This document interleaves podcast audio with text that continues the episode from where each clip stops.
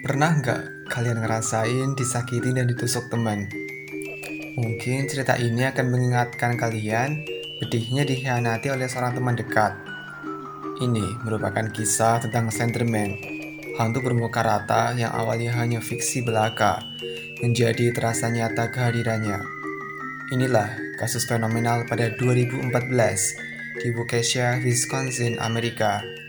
Penusukan Slenderman.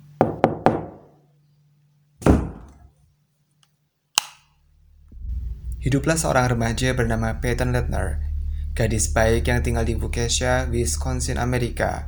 Masa kecilnya penuh dengan harapan dan senang melihat sisi baik orang lain. Peyton mengira bahwa hidupnya akan semenyenangkan anak kecil lainnya. Namun, angannya akan berbalik 180 derajat dalam waktu dekat. Tahun 2012, Peyton yang saat itu berusia 12 tahun bertemu dengan teman sekolahnya bernama Morgan Gates. Saat itu mereka sedang kelas 4 sekolah dasar. Morgan sering terlihat duduk sendiri, tidak memiliki banyak teman, dan karena kondisi tersebut, Peyton merasa kasihan dan mencoba mendekati Morgan dengan harapan mereka bisa berteman baik. Setelah perkenalan pertama mereka di sekolah, semua berjalan lancar. Semua berjalan sesuai rencana Peyton mereka berteman dengan baik. Mereka bahkan kerap bermain sepulang sekolah, menginap, dan bercanda layaknya anak perempuan lainnya. Morgan bahkan memberikan nama spesial bagi Peyton, Bella. Bagi Morgan, Peyton merupakan satu-satunya teman baiknya. Semuanya berjalan indah dan baik-baik saja. Setidaknya hingga dua tahun. Tidak pernah ada yang mengira bahwa pertemuan ini akan menjadi pintu tragedi yang gelap. Dua tahun kemudian, 2014, Peyton dan Morgan menginjakan kaki di kelas 6 sekolah dasar. Pada saat itu, Morgan bertemu dengan Anissa. Pertemuan tersebut mengawali pertemanan dekat Morgan dan Anissa. Bagi Morgan, Anissa adalah bela kedua baginya. Setidaknya, Morgan sudah memiliki dua teman dekat, namun sejak Morgan berteman dengan Anissa, Peyton merasa pertemanannya dengan Morgan menjadi berbeda. Morgan dan Anissa terobsesi dengan sosok misterius bernama Slenderman. Slenderman merupakan sosok hantu bermuka rata yang sedang memburu anak kecil. Sosok Slenderman kerap digambarkan sebagai pria bermuka rata, menggunakan jas, dan bisa mengeluarkan tentakel hitam dari punggungnya untuk menangkap anak kecil. Peyton merasa janggal dengan obsesi mereka dan membuat Peyton sedikit ketakutan. Peyton bahkan sempat bertanya pada ibunya tentang keberadaan sosok Slenderman. Peyton bisa menghela napas dengan tenang karena ibunya bercerita bahwa Slenderman hanyalah tokoh fiktif. Ya, tokoh ini hanyalah hasil karya seseorang yang tengah mengikuti perlombaan gambar horor. Namun siapa yang bisa memastikan kalau ini tidak nyata? Peyton pernah bercerita pada Morgan bahwa obsesinya terhadap Slenderman membuat Peyton takut dan Peyton tidak menyukainya. Namun Morgan sangat suka dengan Slenderman dan merasa bahwa Slenderman itu nyata. Kondisi tersebut membuat Peyton berpikir untuk mengakhiri pertemanannya dengan Morgan. Peyton pun tidak melarang obsesi kedua temannya kepada Slenderman. Selama itu membuat mereka senang. Apa jadinya bila Peyton mengakhiri pertemanannya dengan Morgan Mungkin dia tidak sempat untuk merasakan sentuhan malaikat maut. 30 Mei 2014, Peyton dan Anissa merayakan hari ulang tahun Morgan di rumahnya. Morgan mengadakan pesta ulang tahun dan ketiganya menginap di rumah Morgan. Hari tersebut seharusnya menjadi hari yang menyenangkan. Namun Peyton merasakan adanya sebuah kejanggalan. Biasanya ketika menginap, mereka bertiga akan bermain sepanjang malam. Namun pada saat itu Morgan ingin segera tidur. Bila kamu menjadi Peyton, apa yang dibayangkan saat itu? Mungkin kita berpikir kalau temannya tengah malam bangun dan sedang memegang pisau mengarah ke kepala, atau tiba-tiba ada sesosok muka rata di seberang pintu. Siapa tahu?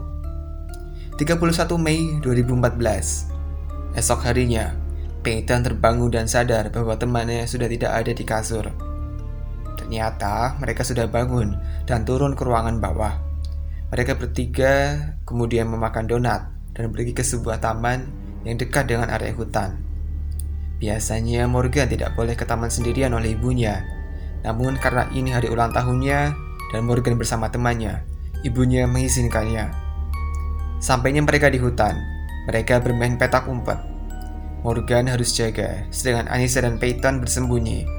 Anissa menyarankan Peyton untuk tengkurap di tanah dan menutupi dirinya dengan batang pohon serta dedaunan agar dia tidak mudah ditemukan.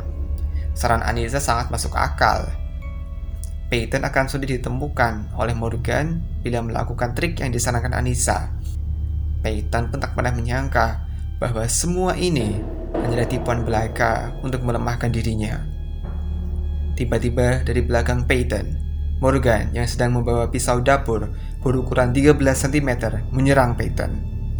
Peyton yang tengah berada dalam posisi tengkurap di tanah tidak bisa bergerak banyak untuk menghindar Ditambah dengan dirinya yang dipeluk daunan dan batang pohon, Peyton semakin tidak bisa menghindar dari serangan Morgan.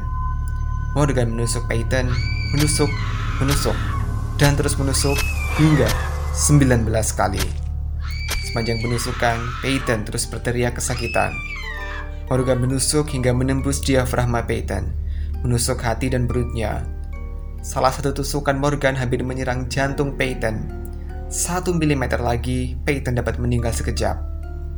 Setelah penusukan tersebut, Morgan berkata, Don't be afraid, I am only a little kitty cat. Mungkin Peyton dan Anissa merasa senang karena tujuan rahasia mereka akhirnya tercapai. Peyton dan Anissa berkata bahwa mereka akan mencari bantuan untuk Peyton. Mereka berdua pun pergi dengan baju berlumuran darah. Ternyata mereka kabur. Peyton pun ditinggal sendirian di hutan. Dengan berlumuran darah, Peyton berusaha untuk keluar dari hutan dan menuju rerumputan dekat jalan raya. Peyton tak ingat betul bagaimana dia bisa keluar. Namun Peyton merasa ingat bahwa dia berpegangan pada pohon-pohon untuk membantunya keluar dari hutan. Peyton beruntung dia berhasil keluar dari hutan. Dan ketika dia keluar dari hutan, seorang pria yang bersepeda menyadari keberadaan Peyton yang terbaring lemas di rumputan. Peyton yang belum darah diberikan minum oleh pria tersebut dan pria tersebut menelepon 911. Peyton berhasil dilarikan ke rumah sakit. Beruntung, Peyton masih dapat diselamatkan. Morgan dan Anissa sempat berhasil kabur. Namun dengan ditolongnya Peyton, mereka berdua menjadi incaran polisi. Selang beberapa waktu kemudian, mereka ditemukan dan dibawa ke kantor polisi dengan baju yang berlumuran darah. Masih di hari yang sama, 31 Mei 2014. Tak selang waktu lama setelah mereka melancarkan penusukan, Morgan dan Anissa berhasil ditangkap oleh polisi dan langsung diinterogasi. Interogasi berjalan tanpa didampingi oleh orang tua mereka. Kepolisian menganggap hal tersebut bisa membuat tersangka lebih jujur. Interogasi berjalan lancar namun terasa aneh dan menakutkan. Keduanya menjalani interogasi dengan tenang, meskipun faktanya mereka baru saja mencoba membunuh temannya. Morgan bahkan sempat menari-nari di ruang interogasi. Ya, mungkin bagi kita ini bukanlah perilaku wajar seorang anak kelas 6 sekolah dasar yang baru saja menusuk temannya dengan pisau. Interogasi memang berjalan lancar, namun banyak hal mengejutkan dan tidak disangka terjadi. Di awal interogasi, Morgan bahkan memberanikan bertanya, apakah Peyton sudah mati? Dan di sela-sela interogasi, Morgan pun bertanya, apakah aku akan dipenjara hingga kamu busuk dan mati? Dan ketika Morgan ditanya, apakah kamu menyesal menusuk salah satu temanmu? Dia menjawab, aku pernah memikirkannya. Aku tak ingin menyesalinya, hidupku akan lebih mudah bila tanpa penyesalan. Morgan yang berusia 12 tahun tak merasakan penyesalan ketika menusuk temannya sebanyak 19 kali. Anissa mendapatkan informasi mengenai Slenderman dari web bernama Creepypasta Wiki. Anissa berpikir bahwa Slenderman, hantu fiktif yang terkenal di dunia maya, merupakan sosok yang nyata. Dia bahkan mengaku pernah melihatnya. Anissa belum mendapatkan informasi dari Morgan bahwa Slenderman memiliki rumah besar di Nicollet National Park.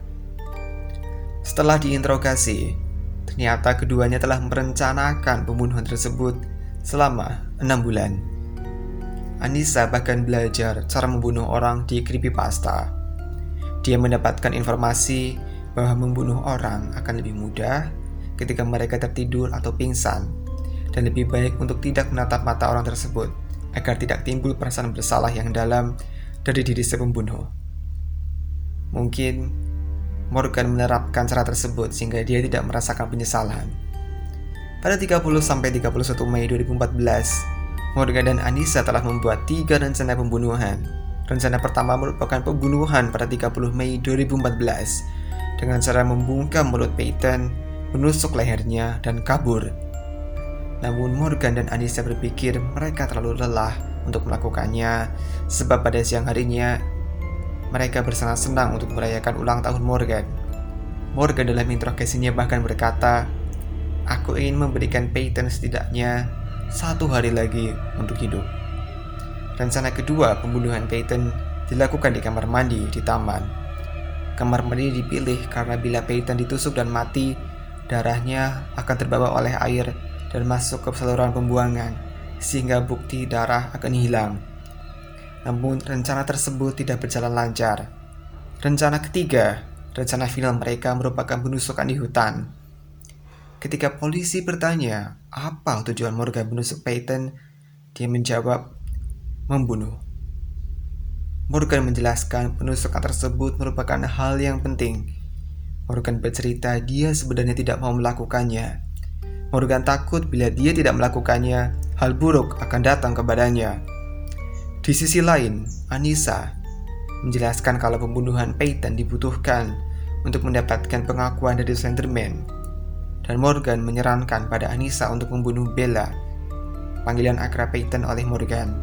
Bila mereka tidak membunuh Peyton, Slenderman akan membunuh keluarga mereka.